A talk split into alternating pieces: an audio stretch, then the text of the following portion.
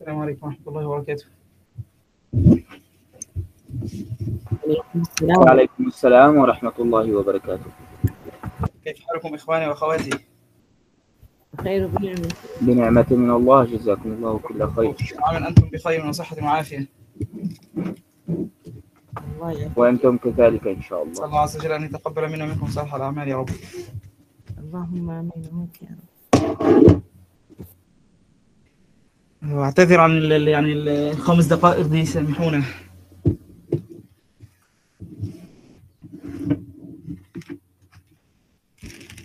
يا العليم من. الشيطان الرجيم. بسم الله الرحمن الرحيم.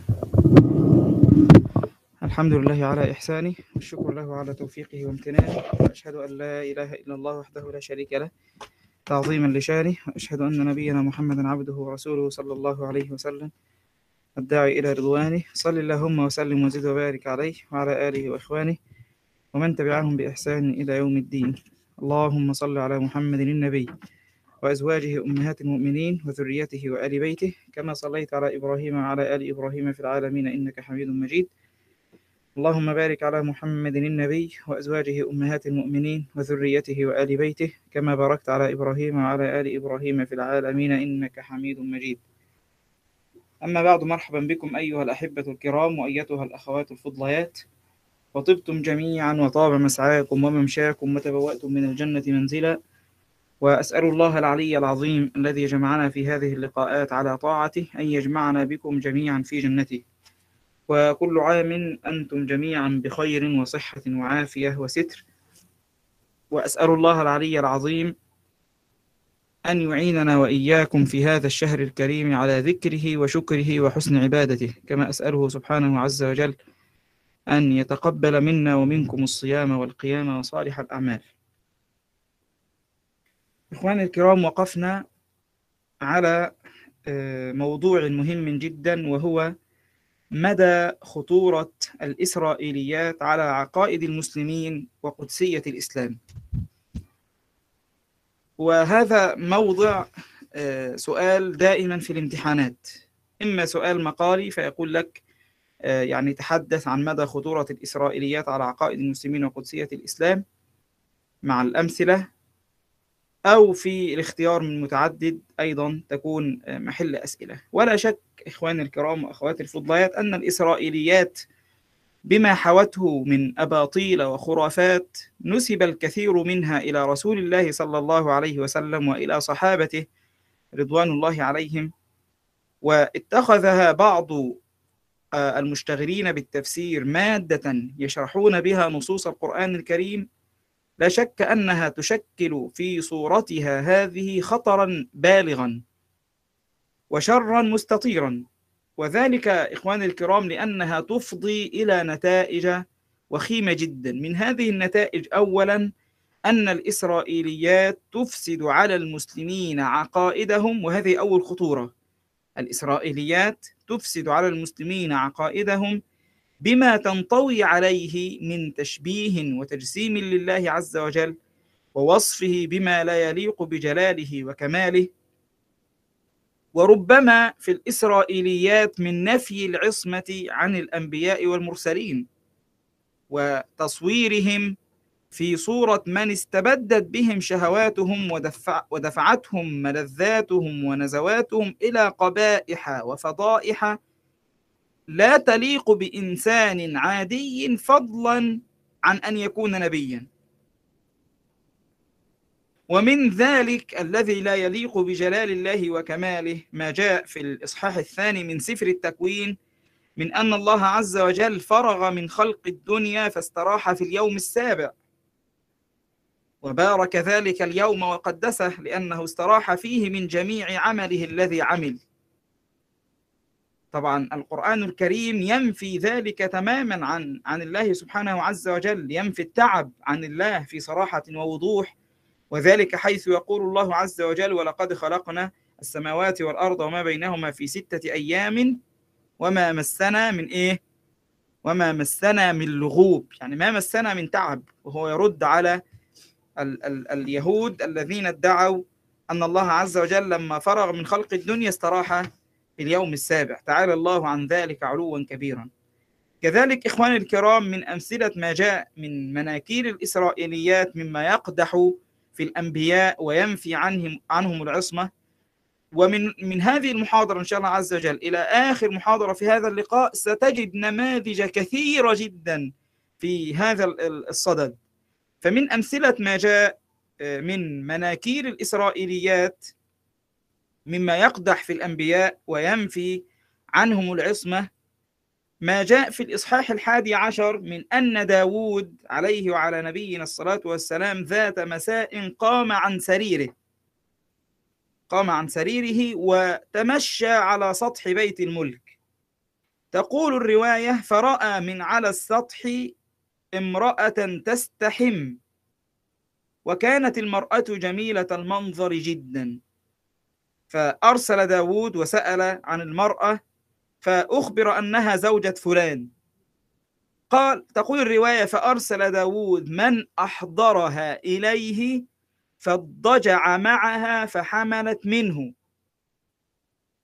وما كان لداود عليه وعلى نبينا الصلاة والسلام ولا لأي نبي أن يسقط إلى هذا الحد في حمئة الشهوة فيزني بامرأة غيره ويحتال على قتله. يعني هذه فرية والعجب أنها في كتاب يزعم أنه مقدس وينسب إلى الله سبحانه وتعالى عن ذلك علوا كبيرا. أيضا يا إخواني من أمثلة ما يخل بمقام النبوة أيضا ما جاء في سفر الخروج من أن هارون عليه وعلى نبينا الصلاة والسلام هو الذي صنع العجل لبني إسرائيل. من أن هارون هو الذي صنع العجل لبني إسرائيل ودعاهم إلى عبادته مع أن القرآن الكريم يصرح بأن الذي صنع العجل لبني إسرائيل هو من؟ هو السامري وأن هارون أنكر ذلك وحذرهم أن يفتنوا به وذلك في آيات طويلة في سورة طه من بداية وما أعجلك عن قومك يا موسى قال هم أولئك على أثري وعجلت إليك ربي لترضى قال فإنا قد فتنا قومك من بعدك وأضلهم السامري فرجع موسى إلى قومه غضبان أسفا. غضبان أسفا. قال يا قوم ألم يعدكم ربكم وعدا حسنا؟ أفطال عليكم العهد أم أردتم أن يحل عليكم غضب من ربكم فأخلفتم موعدي؟ قالوا ما أخلفنا موعدك بملكنا ولكننا حملنا أوزارا من زينة القوم فقذفناها فكذلك ألقى السامري. فأخرج لهم عجلا جسدا له خوار فقالوا هذا إلهكم وإله موسى فنسي. أفلا يرون ألا يرجع إليهم قولا ولا يملك لهم ضرا ولا نفعا؟ ولقد قال لهم هارون من قبل يا قوم إنما فتنتم به وإن ربكم الرحمن فاتبعوني وأطيعوا أمري.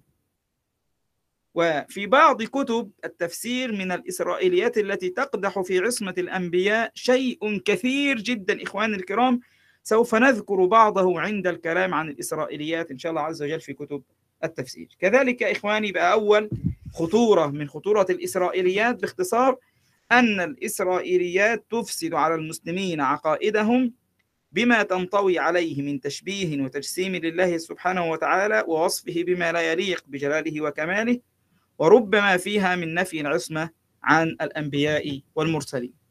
ثاني خطورة إخوان الكرام من خطورة الإسرائيليات على عقائد المسلمين وقدسية الإسلام أن الإسرائيليات تصور الإسلام في صورة دين خرافي.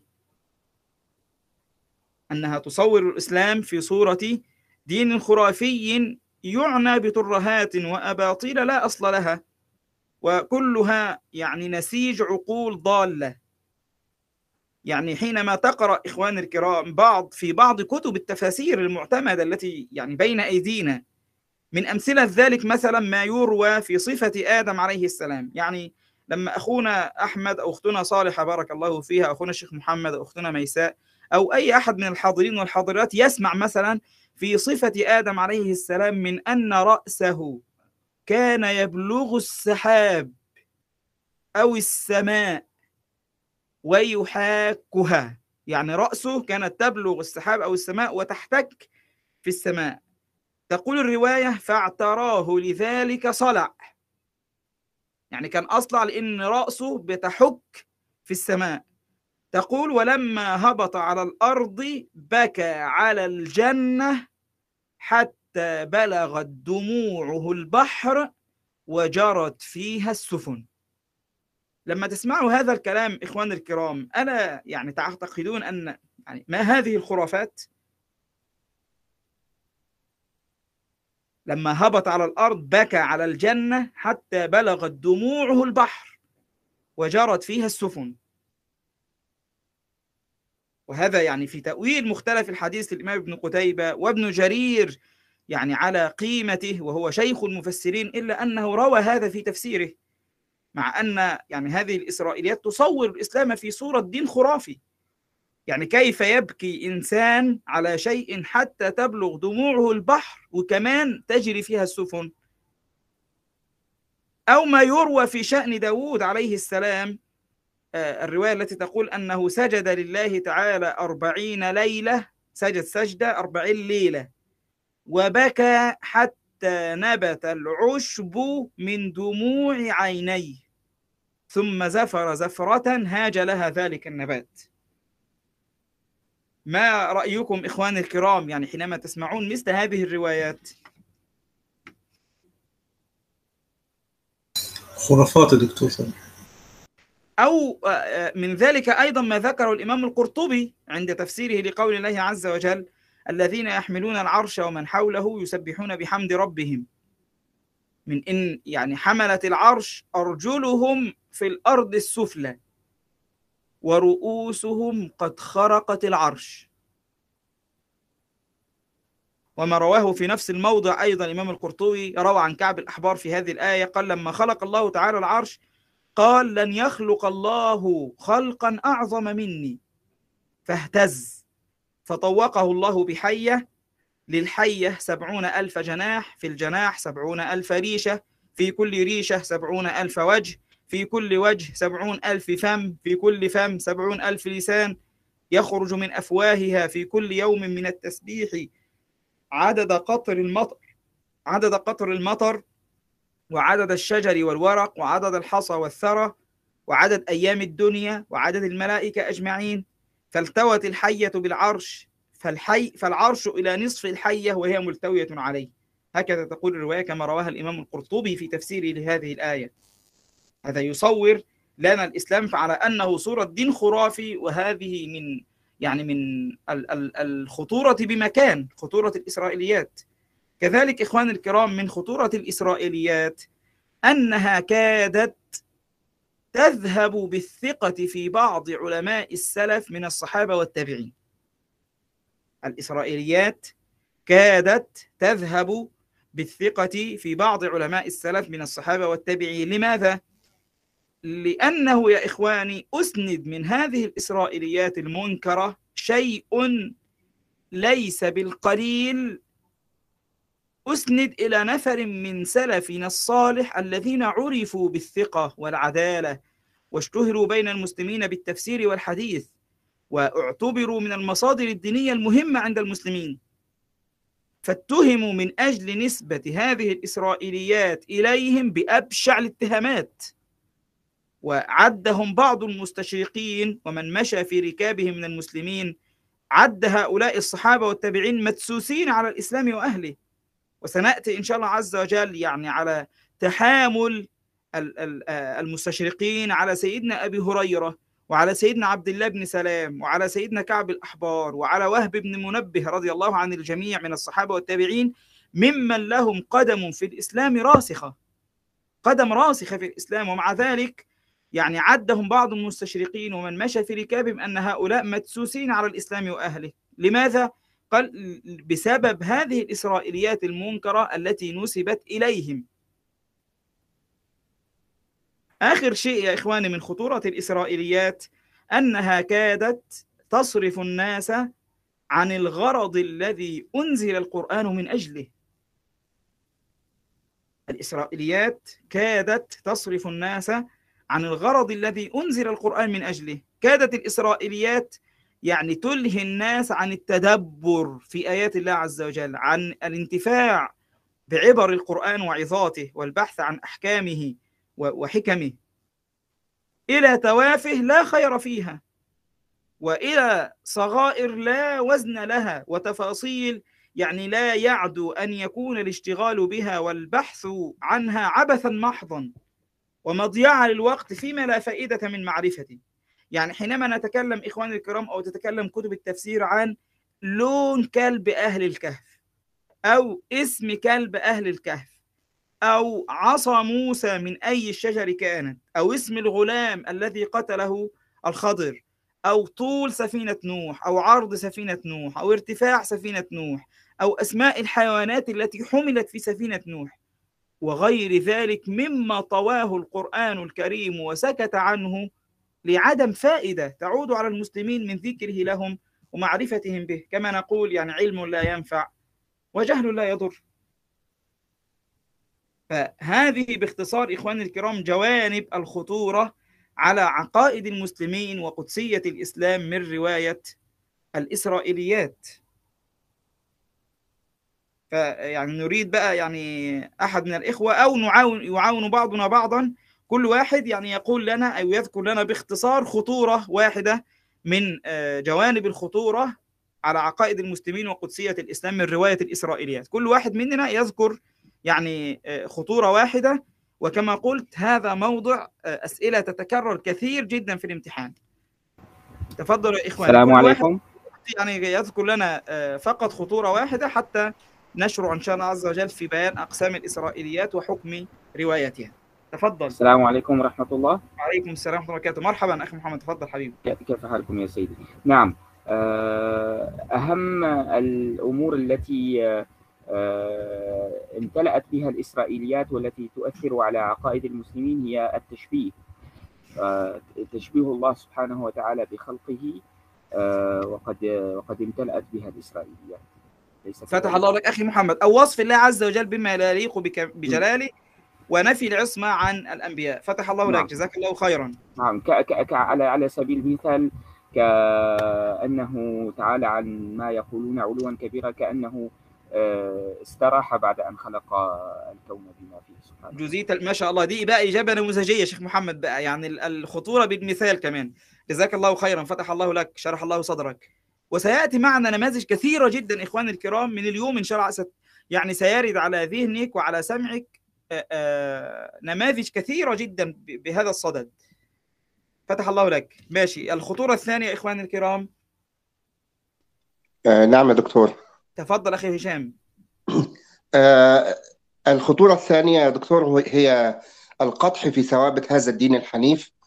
آه أمثال سيدنا أبو هريرة ووهب بن منبه. آه فهم ثوابت من من ثوابت هذا الدين ومصادر من مصادر التشريع فيه كعمل الصحابة. آه وذلك بإعطاء الفرصة للمستشرقين بالقدح في مصداقيتهم و ومهاجمة الدين من خلالهم.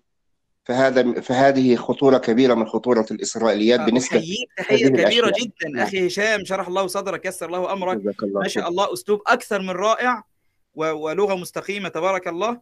آه ويعني في في المعنى المراد يعني جزاك الله خيرا.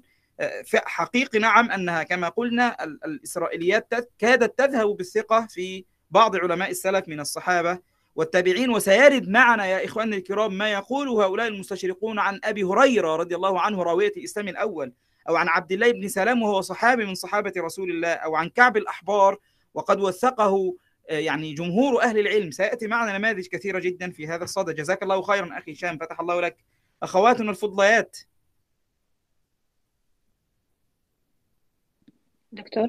السلام عليكم اختنا ميساء أنا قلت الأخوات يعني مشغولات بإعداد الإفطار يعني. لا والله أنا في العمل ولكن معي عشر دقائق فاصل. يسر الله لك أستاذة ميساء. يسر الله لك. الله يعطيك العافية. الله يجزيك الخير. آه سبحان الله آه تظهر أيضا خطورة الإسرائيليات في آه أنهم يدعون أن دين الإسلام دين خرافي.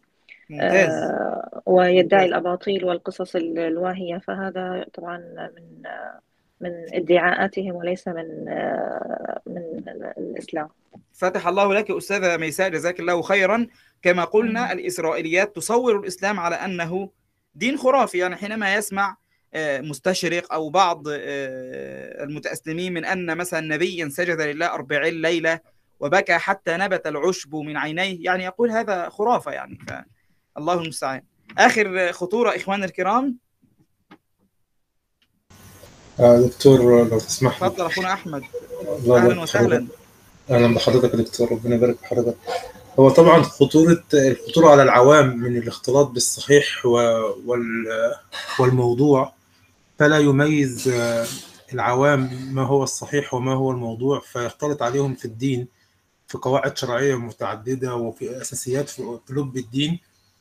ف فلا فلا ينقى الدين ولا يعرف الصحيح من ال- من المغشوش أو الموضوع في في الدين من هذا أحييك. تحية كبيرة أخي أحمد وإن كنت قصرت الأمر على العوام لكن ليس العوام فقط أخي أحمد في لا أقصد. العوام طبعا يعني آه يعني الاسرائيليات عموما يعني تصرف المسلمين آه، كما قلنا عن آه، التدبر في كلام الله عز وجل إلى توافه يعني يعني أو إلى صغائر لا وزن لها يعني يعني لأن يعني كثير جدا يقول لك يعني وقد اختلفوا في اسم الغلام الذي قتله الخضر فقيل فلان ابن فلان وقيل فلان. يا أخي الكريم يعني الله عز وجل ما أراد لنا يعني وإلا ما ما طوى ما طوى القرآن آه، اسمه وما سكت عنه. فما سكت القرآن عنه إلا لعدم فائدة تعود على المسلمين من ذكره لهم ومعرفتهم به. جزاكم الله خيرا. أحييكم إخواننا الكرام وجزاكم الله خيرا على هذه المداخلات.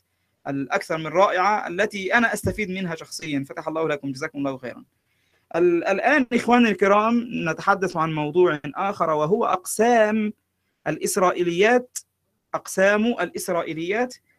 وهذا يا إخواني الموضوع أيضا لا يخرج يعني لا يخلو منه أي امتحان من الامتحانات. لا يخلو امتحان من الامتحانات. يعني على حسب آه، خبرتي في تدريس هذا المقرر إلا وفيه آه، الحديث عن آه، تقسيمات الإسرائيليات. فهو موضوع من الأهمية بمكان لأنه لا يخلو امتحان من أقسام الإسرائيليات يا إخواني الكرام. بالنسبة وهي سهلة بفضل الله عز وجل ميسورة جدا. أقسام الإسرائيليات أحبابي للإسرائيليات تقسيمات ثلاثة. للإسرائيليات تقسيمات ثلاثة باعتبارات مختلفة. مرة أخرى. للإسرائيليات تقسيمات ثلاثة. باعتبارات مختلفة. فالاعتبار الأول باعتبار الصحة وعدمها. تنقسم الإسرائيليات أولا باعتبار الصحة وعدمها. وبهذا الاعتبار يا إخواني تنقسم الإسرائيليات إلى صحيح وضعيف وموضوع. وتستطيع أن تقول من الضعيف أصلا الموضوع. فالإسرائيليات بالاعتبار الأول تنقسم باعتبار الصحة وعدم الصحة باعتبار الصحة وعدمها إلى ثلاثة أقسام صحيح ضعيف ومن الضعيف الموضوع. معنى ذلك أن عندنا إسرائيليات صحيحة نعم.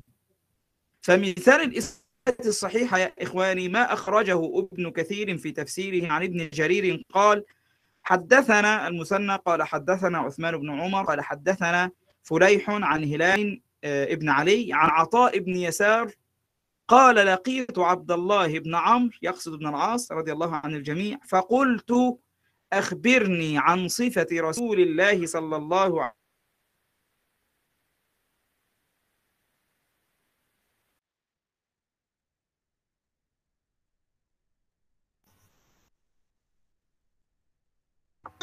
انقطع الصوت يا جماعة. نعم. نعم نعم. صحيح. نعم قطع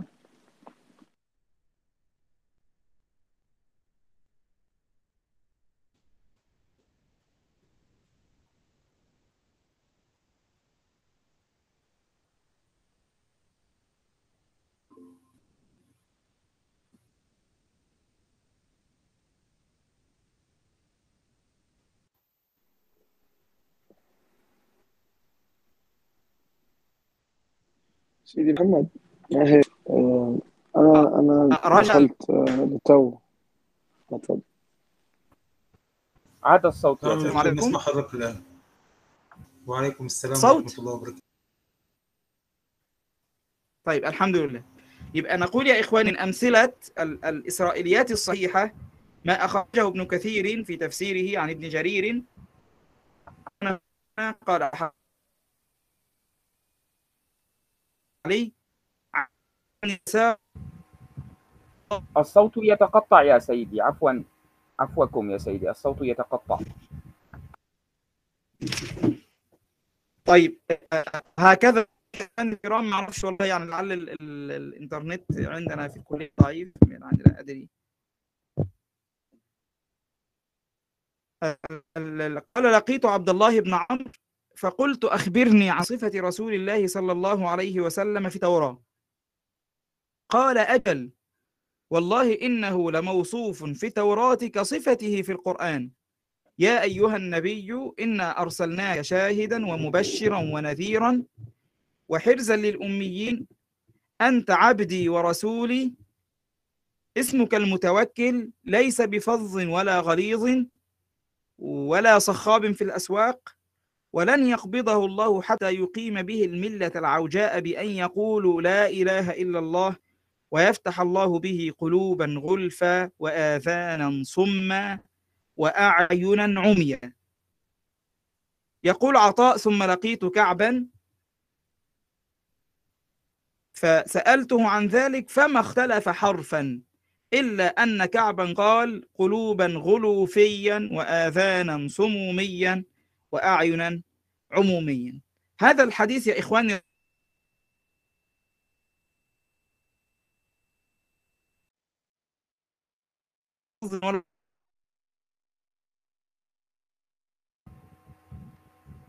عاد الصوت للانقطاع يا سيدي.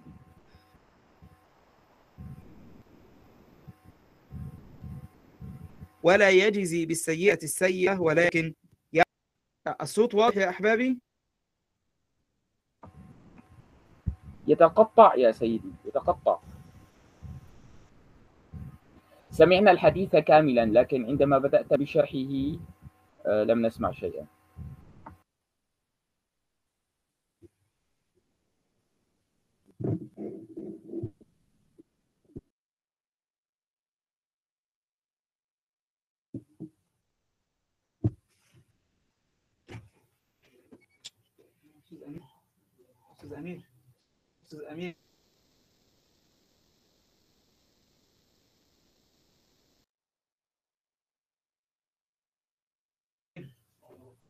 معلش كده. هل صوتنا مسموع ولا تمام؟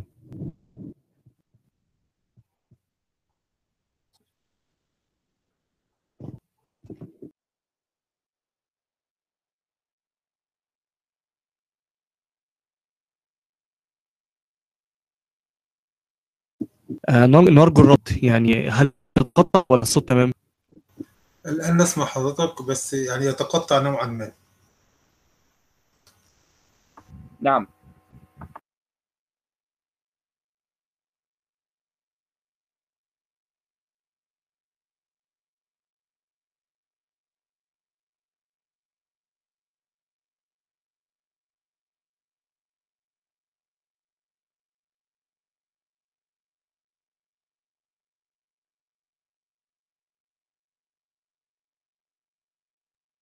إن شاء الله تمام طيب كنا نقول يا إخواني آه، هو إن شاء الله عز وجل المشكلة بإذن الله تكون حلت إن شاء الله تعالى. آه، بعد حديث آه، عطاء بن يسار يقول ثم لقيت كعبا يقصد كعب الأحبار فسألته عن ذلك الحديث فما اختلف حرفا أن صموميا وأعينا عموميا. وقلنا ال- هذا الحديث يا إخواني رواه الإمام البخاري في صحيحه لكن زاد بعد ليس بفظ ولا غليظ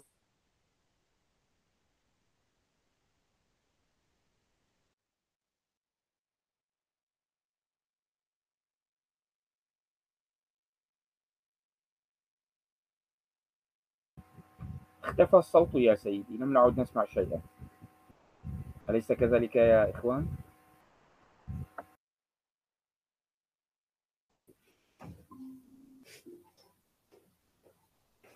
فصل ورجع برضه. فصل ورجع مثال الضعيف يا إخواني الأثر الذي رواه ابن أبي حاتم في تفسيره ونقله عنه ابن كثير في تفسيره لكلمة قاف. في أول سورة قاف آه الإمام ابن كثير نقل هذا وقال إنه أثر غريب لا يصح وعده من خرافات بني إسرائيل. نص الأثر يا إخواني. قال آه الإمام ابن أبي حاتم يروي عن أبيه قال حدثت عن محمد بن إسماعيل قال حدثنا ليس عن مجاهد عن ابن عباس رضي الله عنهما قال خلق الله تبارك وتعالى من وراء هذه الأرض بحرا محيطا بها ثم خلق من وراء ذلك البحر جبلا يقال له قاف. سماء الدنيا مرفوعة عليه. ثم خلق الله تعالى من وراء ذلك الجبل أرضا مثل تلك الأرض سبع مرات. ثم خلق من وراء ذلك بحرا محيطا بها. ثم خلق من وراء ذلك جبلا يقال له قاف. السماء الثانية السماء الثانية مرفوعة عليه. حتى عد سبع أراضين وسبعة أبحر وسبعة جبال وسبع سماوات. قال وذلك قوله تعالى والبحر يمده من بعده سبعة أبحر. الإمام ابن كثير علق على هذا الأثر قال يعني طبعا أثر غريب لا يصح وعده من خرافات بني إسرائيل وقال كمان الإسناد فيه انقطاع. فهذا يا إخواني بالنسبة لتقسيم الإسرائيليات بالاعتبار الأول. فتنقسم باعتبار الأول باعتبار الصحة وعدمها إلى صحيح وضعيف ومن الضعيف الموضوع. الاعتبار الثاني يا إخواني تنقسم الإسرائيليات باعتبار موافقتها لما في شريعتنا ومخالفتها له. تنقسم الإسرائيليات ثانيا باعتبار موافقتها لما في شريعتنا ومخالفتها له وتنقسم بهذا الاعتبار إلى ثلاثة أقسام أيضا. موافق لما في شريعتنا مخالف لما في شريعتنا مسكوت عنه. أي ليس في شرعنا ما يؤيده ولا ما يرده. فمثال الأول وهو ما جاء موافقا لما في شريعتنا ما رواه الإمام البخاري ومسلم قال حدثنا يحيى بن بكير قال حدثنا الليث عن خالد عن سعيد بن أبي هلال عن زيد بن أسلم عن عطاء بن يسار عن أبي سعيد الخدري رضي الله عنه قال قال النبي صلى الله عليه وسلم تكون الأرض يوم القيامة خبزة واحدة يتكفأها الجبار بيده كما يكفأ أحدكم خبزته في السفر نزلا لأهل الجنة ما معنى هذا الكلام يا أحبابي؟ معنى هذا الكلام أن الله سبحانه وتعالى يجعل الأرض كالرغيف العظيم ويكون ذلك طعاما نزلا لأهل الجنة نسأل الله أن نكون جميعا من أهلها تكون الأرض يوم القيامة خبزة واحدة والحديث كما قلنا في الصحيح في صحيح الإمام البخاري في كتاب الرقاق يتكفأها الجبار بيده كما يكفأ أحدكم خبزته في السفر نزلا لأهل الجنة فأتى رجل من اليهود فقال بارك الرحمن عليك يا أبا القاسم ألا أخبرك بنزل أهل الجنة يوم القيامة؟ فقال النبي صلى الله عليه وسلم بلى فقال هذا الرجل من اليهود تكون الأرض خبزة واحدة ثم يعني ذكر كما قال رسول الله صلى الله عليه وسلم. يقول الصحابي أبو سعيد الخدري رضي الله عنه وأرضاه فنظر النبي صلى الله عليه وسلم إلينا ثم ضحك حتى بدت نواجذه. صلى الله عليه وآله وسلم. فهذا يا إخواني من الأحاديث أو الإسرائيليات التي جاءت موافقة لما في شريعتنا. أما ما جاء مثلا مخالفا لما في شريعتنا مما حدثتك عنه منذ قليل من أنها السفر الخروج من أن هارون عليه السلام هو الذي صنع العجل لبني إسرائيل ودعاهم إلى عبادته. هذا مخالف لما في شريعتنا. أو ما حدثناه حدثناك عنه عن سفر التكوين من أن الله فرغ في اليوم السابع من جميع عمله الذي عمل فاستراح في هذا اليوم مباركه وقدسه. القرآن الكريم نفى ذلك فهذا مخالف تماما لما في شريعتنا. كذلك إخواني يعني مما جاء مخالفا لما في شريعتنا الرواية التي في تفسير قول الله عز وجل ولقد فتنا سليمان وألقينا على كرسيه جسدا ثم أناب من أن شيطانا تسلط على ملك سليمان وقعد على عرشه وأن هذا الشيطان سلط حتى على نساء سليمان فكان يباشرهن وهن حيض. وكنا ينكرن ذلك عليه معتقدات أنه سليمان عليه وعلى نبينا الصلاة والسلام هذا مخالف تماما لما في شريعتنا. أما مثال ما سكت عنه شرعنا يا إخواني وحدثتك عنه أيضا من منذ قليل. نريد أمثلة يا إخواني منكم على يعني الإسرا... الإسرائيليات التي سكت عنها الشرع فليس في شرعنا ما يؤيدها ولا ما يردها. هذا يسمى مسكوت عنه ليس في شرعنا ما يؤيد هذا الكلام وليس في شرعنا أيضا ما يناقض هذا الكلام أو يرده. مثال ماذا يا إخواني؟ يعني مثال العدد الذين أحياهم سيدنا عيسى عليه السلام. فتح الله لك أو أسماء الطيور التي كان أسماء الحيوانات التي كانت في سفينة نوح. اسم الكلب أهل الكهف. اسم الغلام الذي قتله الخضر. كل ذلك مسكوت عنه. عصا موسى من أي شجر كانت. لم يرد. هذا سكت عنه الشرع فلم يرد ما يعني ليس في شرعنا ما يؤيده ولا ما يرد أيضا يا إخواني من أمثلة المسكوت عنه ما رواه ابن كثير في تفسير قول الله عز وجل وإذ قال موسى لقومه إن الله يأمركم أن تذبحوا بقرة قالوا أتتخذون هزوا؟ قال أعوذ بالله أن أكون من الجاهلين. إلى آخر هذه القصة الإمام ابن كثير روى عن السدي قال أن كان هناك رجل من بني إسرائيل مكثرا من المال. كان غني جدا يعني. فكان لهذا الرجل ابنه.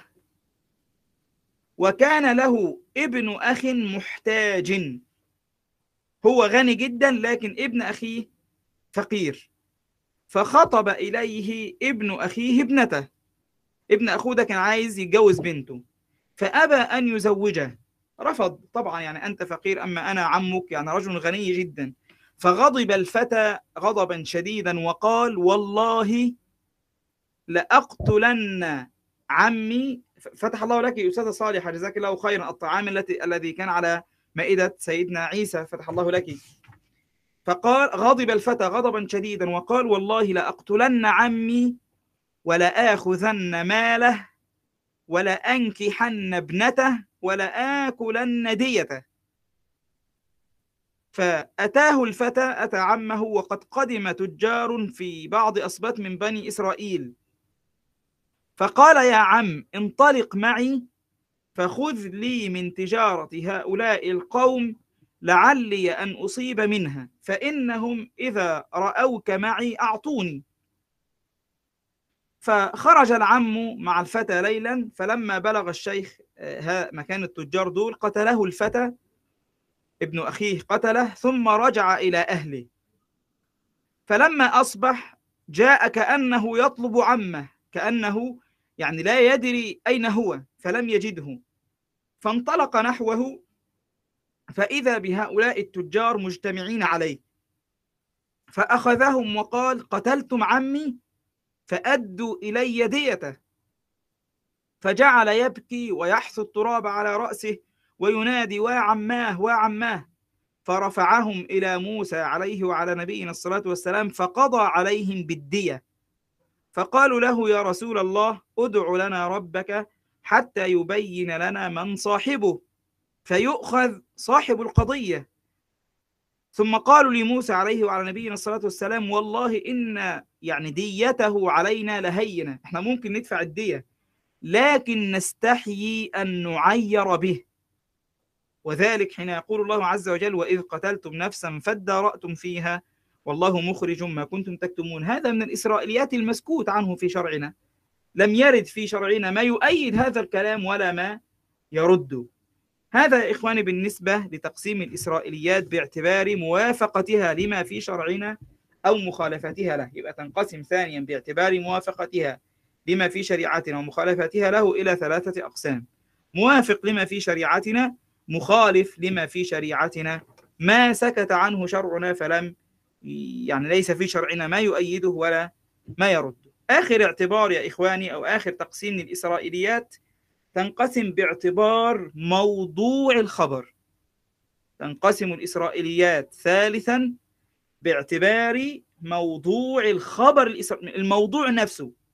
يعني الرواية نفسها في إيه؟ هل هي في في عقيدة؟ هل هي في الحديث؟ هل هي في الأحكام؟ هل هي في المواعظ؟ فتنقسم الإسرائيليات يا إخواني باعتبار موضوع الخبر الإسرائيلي إلى أقسام ثلاثة أولا ما يتعلق بالعقائد ثانيا ما يتعلق بالأحكام ثالثا ما يتعلق بالمواعظ أو الحوادث التي لا تمت إلى العقائد والأحكام بصلة يبقى الخبر الإسرائيلي اللي معانا إما أن يكون خبر متعلق بالعقيدة أو خبر متعلق بالأحكام أو خبر إسرائيلي ليس متعلقا بالعقيدة ولا بالأحكام ولكنه متعلق بالحوادث التي لا تمت إلى العقائد والأحكام بصلة. طيب بالمثال يتضح المقال. مثال ما يتعلق بالعقائد يا إخواني ما رواه الإمام البخاري في كتاب التفسير في قول الله عز وجل وما قدر الله حق قدره وهو يرويه يعني بسنده عن عبد الله بن مسعود رضي الله عنه قال جاء حبر من الأحبار إلى رسول الله صلى الله عليه وسلم فقال يا محمد إنا نجد أن الله يجعل السماوات على أصبع والأراضين على أصبع والشجر على أصبع والماء والثرى على أصبع وسائر الخلائق على أصبع فيقول أنا الملك. فضحك النبي صلى الله عليه وسلم حتى بدت نواجذه تصديقا لقول الحبر. ثم قرأ رسول الله صلى الله عليه وسلم وما قدر الله حق قدره. هذا الخبر يتعلق بالعقيدة. وإن كان يعني من من باب الأمانة العلمية أن نقول لإخواني الكرام وأخواتي الفضليات أن العلماء كثر كلامهم حول قول الراوي هنا فضحك النبي صلى الله عليه وسلم حتى بدت نواجذه تصديقا لقول الحبر. فمنهم من ذهب إلى أن ضحك النبي صلى الله عليه وسلم من قول الحبر لم يكن تصديقا له كما فهم الراوي وصرح به في هذه الرواية. قال وإنما كان تعجبا وإنكارا لقول اليهودي المفيد للتجسيم والتشبيه. وممن ذهب إلى هذا الإمام الخطابي لأن الإمام ابن حجر نقل عنه في شرحه على البخاري هذا الكلام.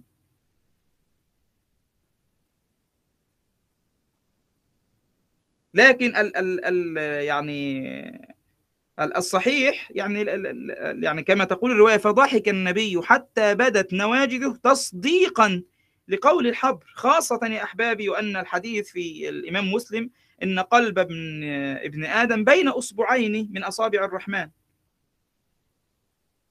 فظاهر السياق أن النبي صلى الله عليه وسلم ضحك تصديقا له. بدليل قراءة الآية التي تدل على صدق ما قال الحبر. قال تقول الرواية ثم قرأ رسول الله صلى الله عليه وسلم وما قدر الله حق قدره. الشاهد يا إخواني أن هذا الخبر الإسرائيلي متعلق بالعقائد. أما مثال الثاني الإسرائيليات التي تتعلق بالأحكام فمثالها مثلا ما رواه الإمام البخاري أيضا في كتاب التفسير في قول الله عز وجل قل فأتوا بالتوراة فاتلوها إن كنتم صادقين. روى الإمام البخاري عن بسند عن عبد الله بن عمر رضي الله عنهما أن اليهود جاءوا إلى النبي صلى الله عليه وسلم برجل منهم وامرأة قد زنيا. فقال لهم النبي صلى الله عليه وسلم كيف تفعلون بمن زني منكم؟ فقال اليهود نحممهما ونضربهما. نحممهما يا إخواني يعني نسكب عليهما الحميم وهو الماء الحار. وقيل معناه نسود وجوههما. كيف تفعلون بمن زني منكم؟ قالوا نحممهما ونضربهما. فقال لهم النبي صلى الله عليه وسلم لا تجدون في التوراة الرجم؟ فقالوا لا نجد فيها شيئا. فقال لهم عبد الله بن سلام كذبتم. فأتوا بالتوراة فاتلوها إن كنتم صادقين. يقول فوضع مدارسها الذي يدرسها منهم كفه على آية الرجم. وضع يده كفه على آية الرجم. وأخذ يقرأ ما دون يده وما وراءها ولا يقرأ آية الرجم. فعبد الله بن سلام نزع يده عن آية الرجم فقال ما هذه؟ ما هذه الآية؟ فلما رأوا ذلك قالوا هي آية الرجم. فأمر بهما فرجما قريبا من حيث موضع الجنائز يقول فرأيت صاحبها يجنأ عليها أي يميل عليها. وفي رواية يحنى يعني بالحاء المهملة يعني ينحني عليها حتى يقيها الحجار فرأيت صاحبها يجنأ عليها يقيها يقيها الحجارة. هذا الخبر الإسرائيلي يا إخواني متعلق بالأحكام. أما مثال ما يتعلق بالمواعظ أو الحوادث أي شيء لا ي... ليس فيه خبر عقدي أو ليس فيه أمر يتعلق بالأحكام أو لا يمت إلى العقائد والأحكام بصلة فيدخل في ال... الإسرائيليات التي تتعلق بالمواعظ والأحكام. كمثل ال... الحديث عن سفينة سيدنا نوح ومن أي الخشب كانت والأسماء الحيوانات التي كانت فيها إلى غير ذلك. هذه يا إخواني يعني أقسام الإسرائيليات بالنسبة لكل اعتبار من الاعتبارات المذكورة. وواضح جدا يا إخواني يعني كل الوضوح أن هذه الأقسام كلها متداخلة. ويمكن أن يعني يمكن إرجاع بعضها إلى بعض. فمن الممكن أن نجمل كل هذه الأقسام بكل هذه الاعتبارات فنقول الإسرائيليات إما مقبولة أو مردودة أو متردد فيها بين القبول والرد. وكل له في باب الرواية حكم نوضحه إن شاء الله عز وجل الآن. يعني نستطيع أن نلخص كل هذه الأقسام التسعة بالاعتبارات كل تقسيم عندنا ثلاث اعتبارات وكل اعتبار تحته تقسيم الإسرائيليات إلى ثلاثة أقسام. لكن يمكن أن ندخل كل هذه الأقسام يعني تحت أقسام ثلاثة فقط فنقول الإسرائيليات إما مقبولة وإما مردودة وإما متردد فيها بين القبول والرد. هذا لكم أنتم وأنتم يعني تقرؤون كتب التفسير فإن مررت على رواية إسرائيلية لابد أن يكون في خلدك وفي ذهنك هذا الأمر. إما أن تكون هذه الرواية مقبولة وإما أن تكون مردودة وإما أن تكون متردد فيها بين القبول والرد. هذا لكم أنتم إخواني الكرام. لكن بالنسبة للامتحان قد يسألك. فيقول تنقسم الإسرائيليات أختنا صالحة. تنقسم الإسرائيليات باعتبار موافقتها لما في شريعتنا ومخالفتها له إلى ثلاثة أقسام. هي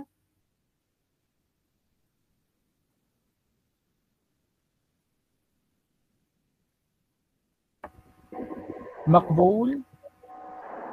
صالحة لا. تسمعينني؟ أي نعم. نعم. بين مقبول؟ ومردود أيوه. لا موافقته مسكوت عنه آه.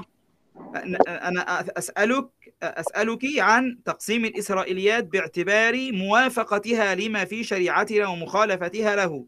نعم بين مقبول ومردود ومختلف فيه بين القبول. نعم أو نقول موافق لما في شريعتنا مخالف لما في شريعتنا ما سكت عنه شرعنا أيوه. طيب آه، أخونا أحمد تنقسم الإسرائيليات باعتبار موضوع الخبر إلى موضوع الصحيح والضعيف والموضوع لا موضوع لا، الخبر. الإسرائيلي باعتبار موضوع الخبر آه يا نعم. دكتور من ناحية العقائد ما يتعلق بالعقائد أيوة العقائد أو ويتعلق بالأحكام وما ما يتعلق, يتعلق بالمواعظ. بالأحكام أو ما يتعلق بالمواعظ.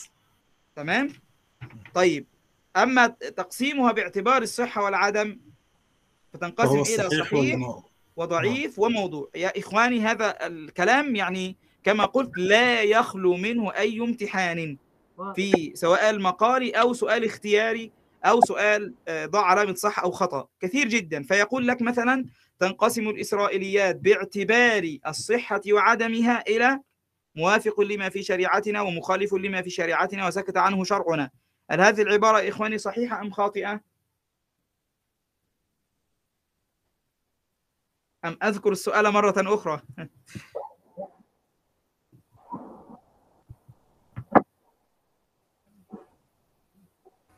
اذكر السؤال مرة أخرى لو طيب. السؤال يقول وركزوا معي يا إخواني تنقسم الإسرائيليات باعتبار موافقتها لما في شريعتنا ومخالفتها له إلى صحيح وضعيف وموضوع.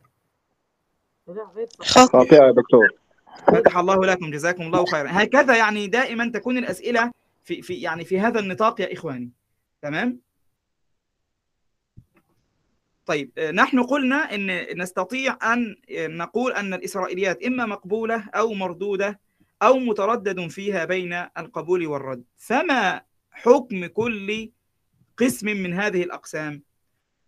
بالنسبة يا اخواني قبل أن نتكلم عن حكم رواية الإسرائيليات لابد وأن نمهد لك بذكر أهم ما ورد من في النصوص الشرعية وما يلحق بها من المأثورات عن الصحابة أو التابعين في شأن روايتها.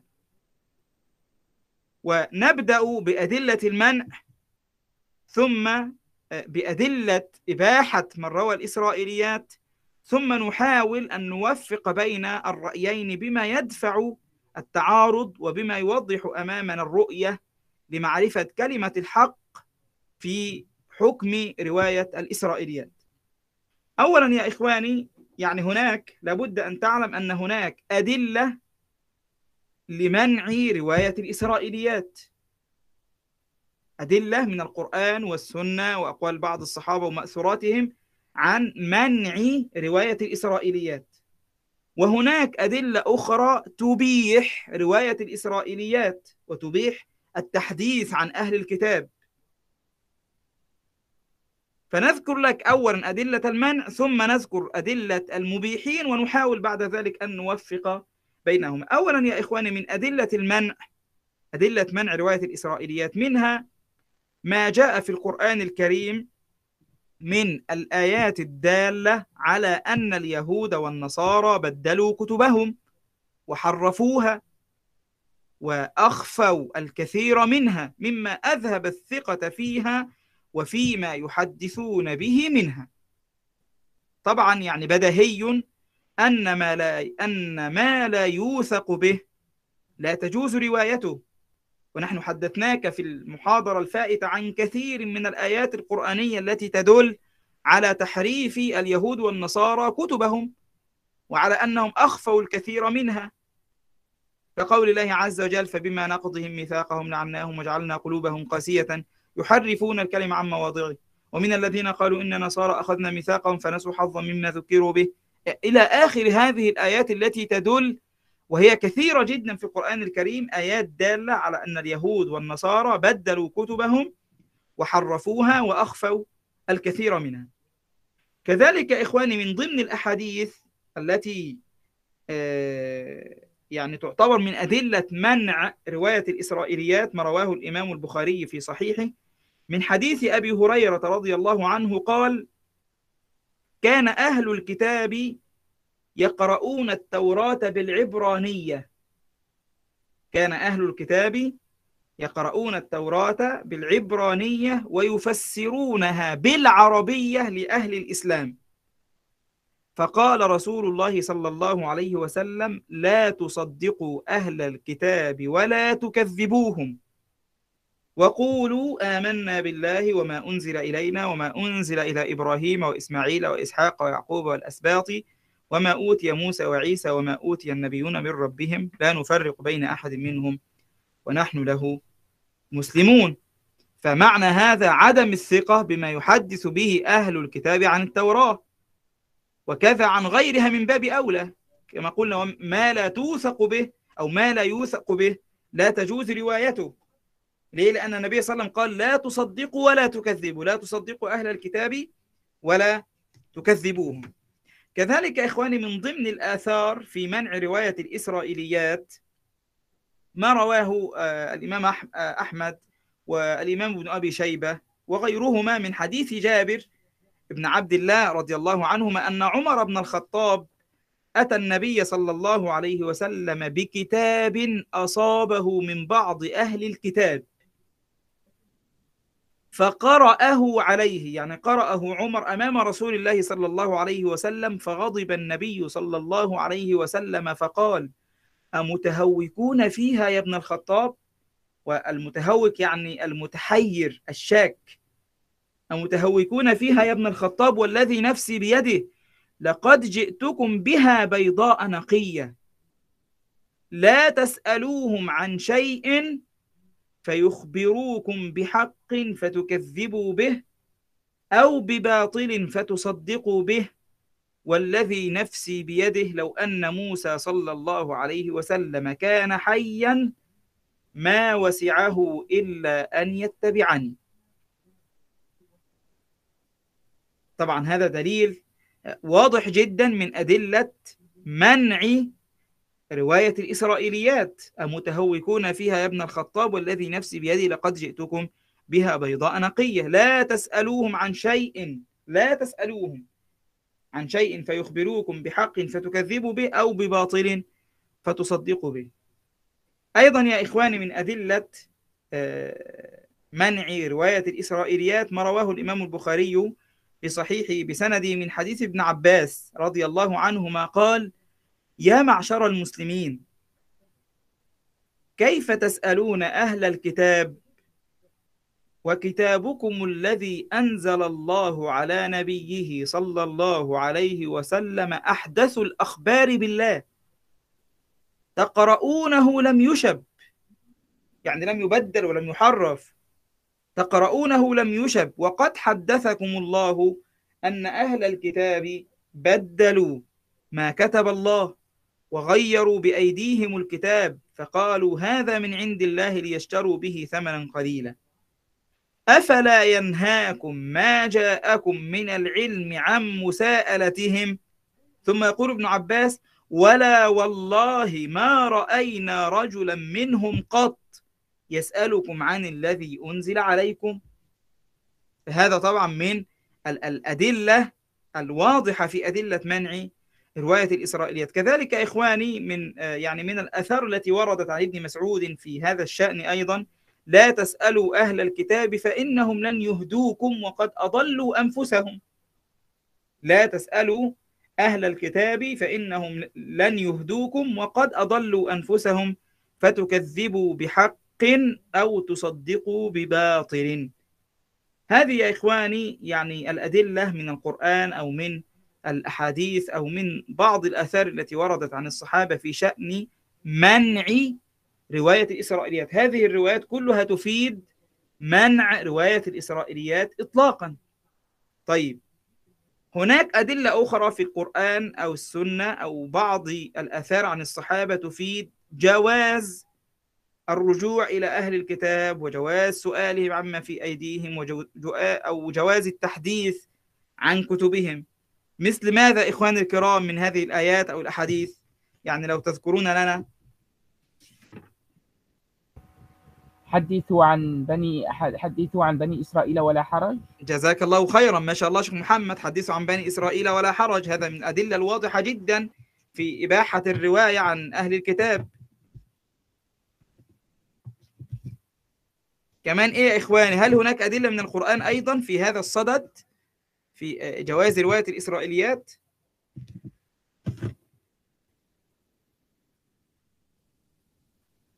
أي نعم. فإن كنت في شك أيوة ممتاز جدا. شيخ بسام فتح الله لك.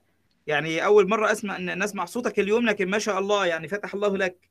قال الله عز وجل وهو يخاطب نبيه محمد صلى الله عليه وسلم فإن كنت في شك مما أنزلنا إليك ها؟ فاسأل الذين يقرؤون الكتاب من قبلك. طبعا في قول الله عز وجل فإن كنت في شك يعني هذا على سبيل الفرض والتقدير لأن الشك لا يتصور منه أبدا صلى الله عليه وسلم أبدا.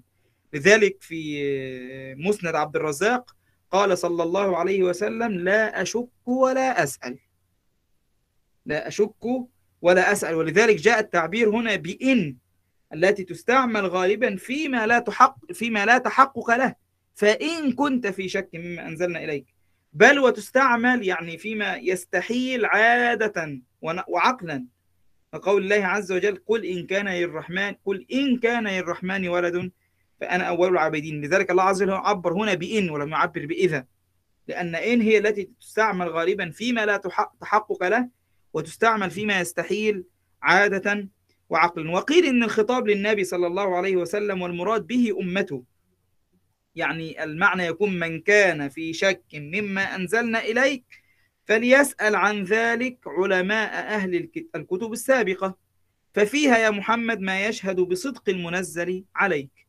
فإن كنت في شك مما أنزلنا إليك الشاهد فاسأل الذين يقرؤون الكتاب من قبلك. فقد أباح الله لنبيه صلى الله عليه وسلم أن يسأل أهل الكتاب وكذلك أباح لأمته أن يسألوهم لما هو مقرر شرعا من أن أمر الله لنبيه صلى الله عليه وسلم هو أمر له ولأمته. كما درستم في أصول الفقه إذا أمر الله نبيه صلى الله عليه وسلم بشيء فهو أمر له وأمر لأمته ما لم يقم دليل على الخصوصية للنبي صلى الله عليه وسلم. كذلك آه. أحبابي من ضمن أدلة الجواز جواز الرجوع إلى أهل الكتاب وسؤالهم عما في أيديهم قول ربنا سبحانه وتعالى آه، وإن كنتم آه، اللهم صل على سيدنا محمد اللي هي الآية الأخيرة إيه؟ آه، وإن كنتم في ريب مما نزلنا على عبدنا فأتوا بسورة من مثله. لا اللي هي بسم الله الرحمن الرحيم قل فأتوا بالتوراة فاتلوها إن كنتم صادقين. لم تدرسوها بعد لكن يعني هي قاعدة مقررة أخي محمد فتح الله لكم يعني. هي قاعدة مقررة. ما أمر الله به نبيه هو أمر له ولأمته. ما لم يقم دليل على الخصوصية بالنبي صلى الله عليه وسلم. هي قاعدة أصولية أصلا.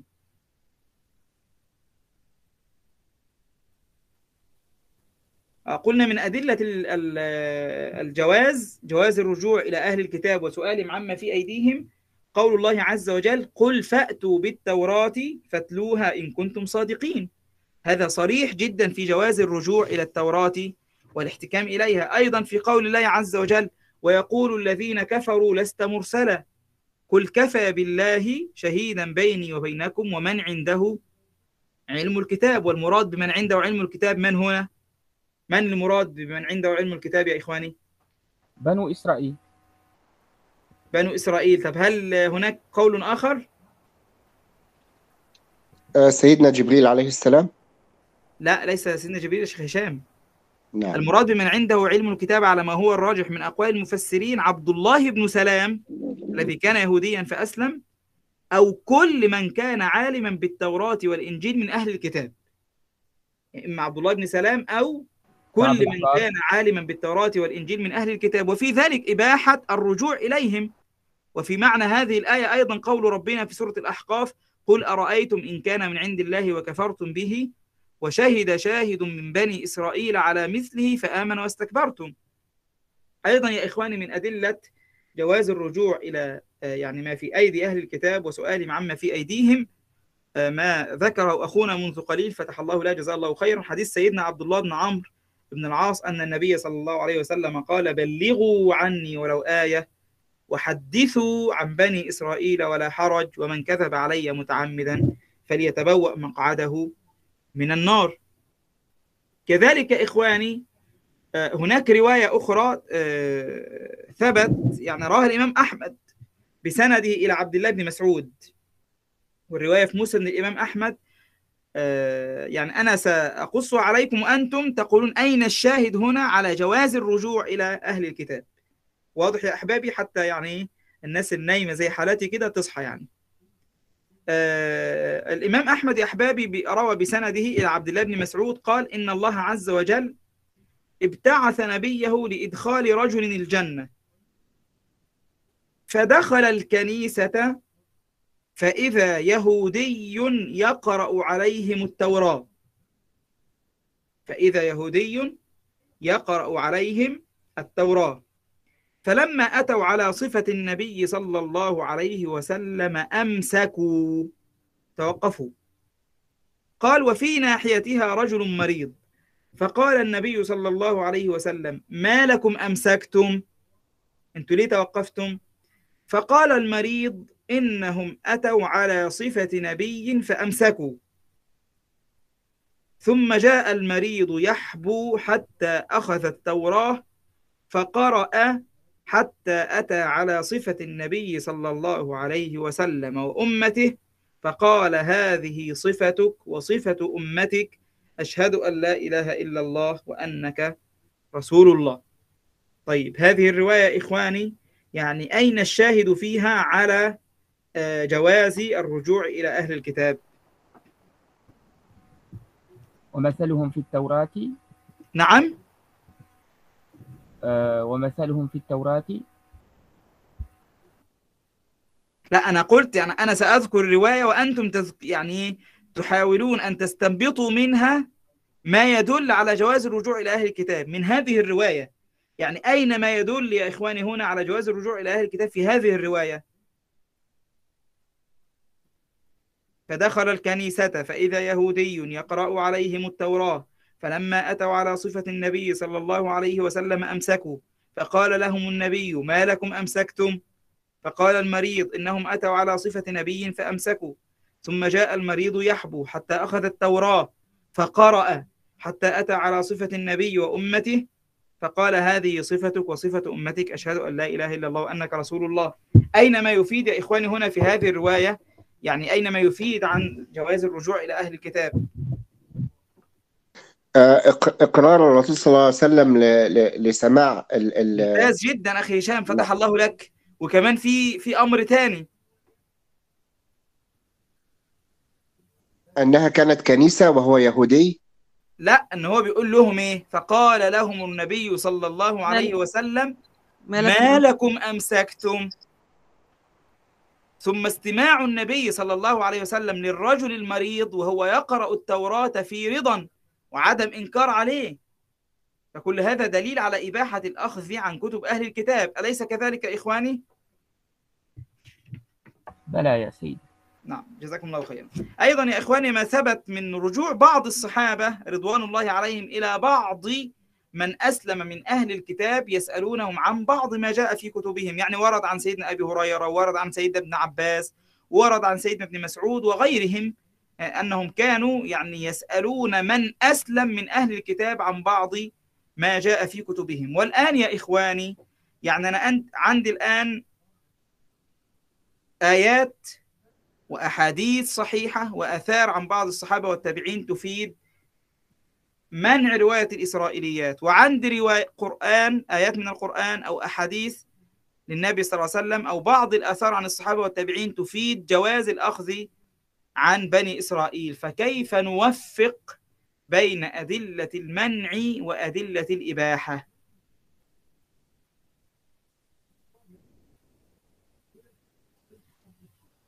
ما رأيكم يا إخواني؟ كيف نوفق؟ يعني هل هناك تعارض أصلا بين القرآن والقرآن أو بين القرآن والسنة الصحيحة؟ هل هناك لا تعارض يا تعارض. إخواني؟ لا تعارض. لا لا تعارض. إذا حينما يكون لا تعارض يبقى نحاول أن نوفق وأن نجمع نعم. بين هذه الأدلة فكيف نجمع يا إخواني؟ عموم ندرس الحديث يا سيدي فإذا كان نعم. هذا الح... ندرس الحديث ندرس الأثر الإسرائيلي فإذا آه، وجدنا أن له آه، أصلا في شرعنا أخذنا أيوة ممتاز جدا. وإذا لم نجد آه، ضربنا به عرض الحائط. طيب وإن لم يرد في شرعنا يعني م- ما جاء موافق خلاص نصدقه وما جاء نعم. مخالف نكذبه. طب ما سكت عنه الشرع؟ نسكت عنه. نسكت عنه. جزاكم الله خيرا. هذا يعني هذا ال- ال- الخلاصة في في التوفيق لأنه بعض الأوقات يا إخواني يقول لك آه، هناك آه، روايات تدل على منع رواية الإسرائيليات وروايات تدل على جواز رواية الإسرائيليات فكيف توفق بين القولين؟ آه، وعندي وعندي رأي يا دكتور خاص بحديث لو تسمح لي. نعم. اللي ذكره الأستاذ محمد ماهر. حدثوا عن بني إسرائيل ولا حرج. والله في رأيي إن أنه أعتقد أن الرسول صلى الله عليه وسلم يقول حدثوا ما جاء ما جئت به عن بني إسرائيل. أي تكلموا عنهم دائما يا سلام فيما يعني جاء به القرآن. اليوم ما شاء الله هشام متألق اليوم ما شاء الله. جزاك الله خير. يعني دي يعني بركات بقى الطاعة بقى في رمضان ما شاء الله. أ- و- وأنا سآتي على هذا المعنى إن شاء الله عز وجل يعني منذ يعني بعد قليل إن شاء الله تبارك وتعالى فيما تبقى من دقائق. سنأتي على بعض الأمور المهمة جدا في هذا الصدد يا إخواني. في في في ال- التوفيق بين أدلة المنع وأدلة الإباحة. طيب عموما يا إخواني يعني دين الإسلام دين معرفة واسعة. ومعارفه ليست مقصورة على ما يدور في فلك المسلمين وحدهم من تشريعات خاصة ووقائع تتصل بتاريخ حياتهم هم فقط. وجهادهم الطويل وإنما الإسلام يعني تمتد معارفه إلى معارف أمم سالفة وديانات سابقة تأخذ منها الحق لتؤيد به حقها وتلفظ منها الباطل الذي لا يتفق مع هديها. نحن يا إخواني لو نظرنا في القرآن الكريم وجدنا من آياته البينات ما يدعو بني الإسلام وجماعة المسلمين إلى أن يرجعوا إلى علماء أهل الكتاب من اليهود والنصارى ليسألوهم عن بعض الحقائق التي جاءت في كتبهم وجاء بها الإسلام فأنكروها أو أغفلوها. وذلك حتى يقيم عليهم الحجة لعلهم يهتدون. من ذلك مثلا آيات الدالة إلى. إلى على إباحة رجوع النبي صلى الله عليه وسلم ومن تبع دينه من المسلمين إلى أهل الكتاب. كما قلنا فإن كنت في شك مما أنزلنا إليك فاسأل الذين يقرؤون الكتاب من قبلك. لقد جاءك الحق من ربك فلا تكونن من الممترين. وما أرسلنا من قبلك إلا رجالا نوحي إليهم. فاسألوا أهل الذكر إن كنتم لا تعلمون. يريد أهل الكتب السابقة. اسألوهم أبشرا كان الرسل إليهم أم ملائكة؟ وقول الله عز وجل واسأل من أرسلنا قبلك من رسلنا. أجعلنا من دون الرحمن آلهة يعبدون؟ أي اسأل أممهم اسأل علماء دينهم يا محمد. وكقول الله عز وجل واسألهم عن القرية التي كانت حاضرة البحر إذ يعدون في السبت. أي اسأل هؤلاء اليهود الذين بحضرتك عن قصة أصحابهم الذين خالفوا أمر الله عز وجل. وكقول الله سبحانه وتعالى سل بني إسرائيل كم آتيناهم من آية بينة. ولقد آتينا موسى تسع آيات بينات فاسأل بني إسرائيل. أي اسألهم عن تلك الآيات حتى تزداد يقينا أو حتى يظهر صدقك يا محمد صلى الله عليه وسلم. كذلك يا إخواني القرآن الكريم قص علينا كثيرا من أخبار بني إسرائيل وغيرهم من الأمم السابقة. فقص علينا قصة قتيل بني إسرائيل وقص علينا يعني أمر موسى لقومه أن يدخلوا الأرض المقدسة وما كان من هلعهم وجبنهم ثم يعني دخولهم أرض التيه. وقصة ابني آدم واتلو عليهم نبأ ابني آدم بالحق وقصة المائدة. إذ قال الحواريون يا عيسى ابن مريم هل يستطيع ربك أن ينزل علينا مائدة؟ وقصة أصحاب الأخدود في سورة البروج. كذلك قص النبي صلى الله عليه وسلم علينا يعني كثيرا من أخبار بني إسرائيل زي حديث الأبرص والأعمى والأقرع وحديث الغار الذي سأل عنه أخونا منذ قليل وقصة جريج العابد. فكل ما تقدم من أمر الله لنبي عليه الصلاة والسلام بسؤال أهل الكتاب يدل على جواز الرجوع إليهم ولكن ليس في كل شيء. كل ما تقدم من هذه الأدلة من حديث والآيات من أمر الله لنبيه عليه الصلاة والسلام بسؤال أهل الكتاب يدل على جواز الرجوع إليهم. لكن يا إخواني شرط مهم جدا. ليس في كل شيء بل فيما لم تصل إليه يد التحريف والتبديل من الحقائق التي تصدق القرآن. وتلزم المعاندين منهم ومن غيرهم الحجة. فإنهم أبرزوا ما عندهم على نحو ما جاء عن الله تعالى قامت الحجة. وإنهم حاولوا إخفاءه وكتمانه نبه الله عليه نبه الله نبيه صلى الله عليه وسلم إلى صنيعهم فحال بينهم وبين ما يقصدون كما كان من شأنه عليه الصلاة والسلام معهم حينما أرادوا أن يخفوا عنه ما في التوراة من رجم الزاني المحسن. فمفاد هذا يا إخواني كما تفضل أخونا هشام جزاه الله خيرا وفتح الله له ونفع به وشرح صدره أنه يجوز أن نحدث عنهم بما نقطع بصدقه يجوز أن نحدث عنهم بما نقطع بصدقه ومن أجل أن نأخذ منه العظة والعبرة. طيب أيضا أمر مهم جدا يا إخواني في هذا الموضوع يعني حتى نكون ضبطنا الأمر وهو ما في كتب ما في ما في كتب أهل الكتاب بعد تحريفها وتبديلها وما يحدث به علماؤهم وهم يعني يخطئون ويصيبون ويكذبون ويصدقون. فما في كتب أهل الكتاب يا إخواني بعد تحريفها وتبديلها لا يمكن أن يخدع به النبي صلى الله عليه وسلم وإنما يمكن أن يخدع به غيره من جماعة المسلمين. لهذا نقول لا يجوز لمسلم أن يقبل ما يحدثون به على إطلاقه ولا أن يرده على إطلاقه بل يقبل منه ما جاء موافقا لما في القرآن أو السنة لأن هذه الموافقة دليل على أنه مسلم من التحريف والتبديل. ويرد عنه ويرد منه ما جاء مخالفا لما في القرآن والسنة أو كان لا يتفق مع العقل أن هذه المخالفة دليل على أنه مما تطرق إليه التحريف والتبديل. على هذا إخواني الخلاصة ما جاء موافقا لما في شرعنا تجوز روايته. وعليه تحمل الآيات الدالة على إباحة الرجوع إلى أهل الكتاب. وعليه أيضا يحمل قوله عليه الصلاة والسلام حدثوا عن بني إسرائيل ولا حرج لأن المعنى كما ذكر أخونا هشام حدثوا عنهم بما تعلمون صدقه فما جاء موافقا لما في شرعنا تجوز روايته وعليه تحمل الآيات الدالة على إباحة الرجوع إلى أهل الكتاب وعليه يحمل قوله صلى الله عليه وسلم حدثوا عن بني إسرائيل ولا حرج.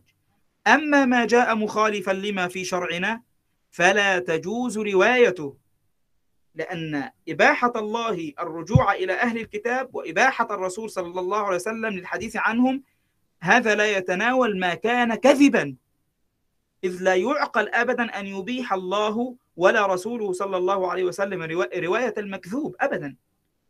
أما ما سكت عنه شرعنا يا إخواني ولم يكن فيه ما يشهد لصدقه ولا لكذبه وكان محتملا للصدق والكذب فحكمنا فالحكم في هذا أن نتوقف في قبوله. فلا نصدقه ولا نكذبه. وعلى هذا يحمل قول رسول الله صلى الله عليه وسلم لا تصدقوا أهل الكتاب ولا تكذبوهم فما سكت عنه الشرع لا يصح أن نصدق ولا نكذب نتوقف في القبول. أما يعني يعني تجوز روايته على أنها مجرد حكاية لما عندهم. تجوز رواية المسكوت عنها على أنها مجرد حكاية لما في كتب أهل الكتاب. هذا يا إخواني بالنسبة ل يعني كيفية التوفيق بين ال الأدلة أدلة منع رواية الإسرائيليات وأدلة الجواز. فخلاصة القول في حكم رواية الإسرائيليات أن ما جاء موافقا لما في شرعنا صدقناه وجازت روايته وما جاء مخالفا لما في شرعنا كذبناه وحرمت روايته إلا لبيان بطلانه. وما سكت عنه شرعنا توقفنا فيه فلا نحكم عليه بصدق ولا بكذب. وتجوز روايته على أنها حكاية لما في كتبهم. طيب الآن أنا أختم يا إخواني بسؤال لكم. وهو سؤال يتكرر كثيرا في الامتحان فيقول لك في مثلا ضع علامة صحة أو خطأ. حكم رواية الإسرائيليات القبول مطلقا أو الرفض مطلقا. هل هذه العبارة صحيحة أم خاطئة يا إخواني؟ العبارة دي والعبارة دي. لما يقول لك حكم رواية نعم. العبارتين العبارتان كلاهما خاطئة خيرا ليه؟ لأنه ليس على الإطلاق. لأنهم هناك شيء مطلقتان مقبول وهناك شيء مقبول. لا لا يعني واحد كما هو موافق. إن الصوت غير واضح على إطلاقها لا لا يصح. أيوه هناك ممتاز. شيخ إبراهيم. جزاك الله خير. ليه؟ لأن كما قلنا هناك منها ما ما هو مقبول وهناك ما هو مردود وهناك ما هو مسكوت. عنه آخر قيد إن شاء الله عز وجل يعني ضابط مهم جدا. سأحدثكم عنه إن شاء الله عز وجل في اللقاء القادم. إلى أن نلتقي أستودعكم الله الذي لا تضيع ودائعه. وقولوا معي سبحانك اللهم وبحمدك أشهد أن لا إله إلا أنت أستغفرك وأتوب إليك. وصل اللهم وسلم وبارك على النبي محمد وعلى آله وصحبه أجمعين. والسلام عليكم ورحمة الله. وعليكم السلام ورحمة الله وبركاته. جزاكم الله خيرا.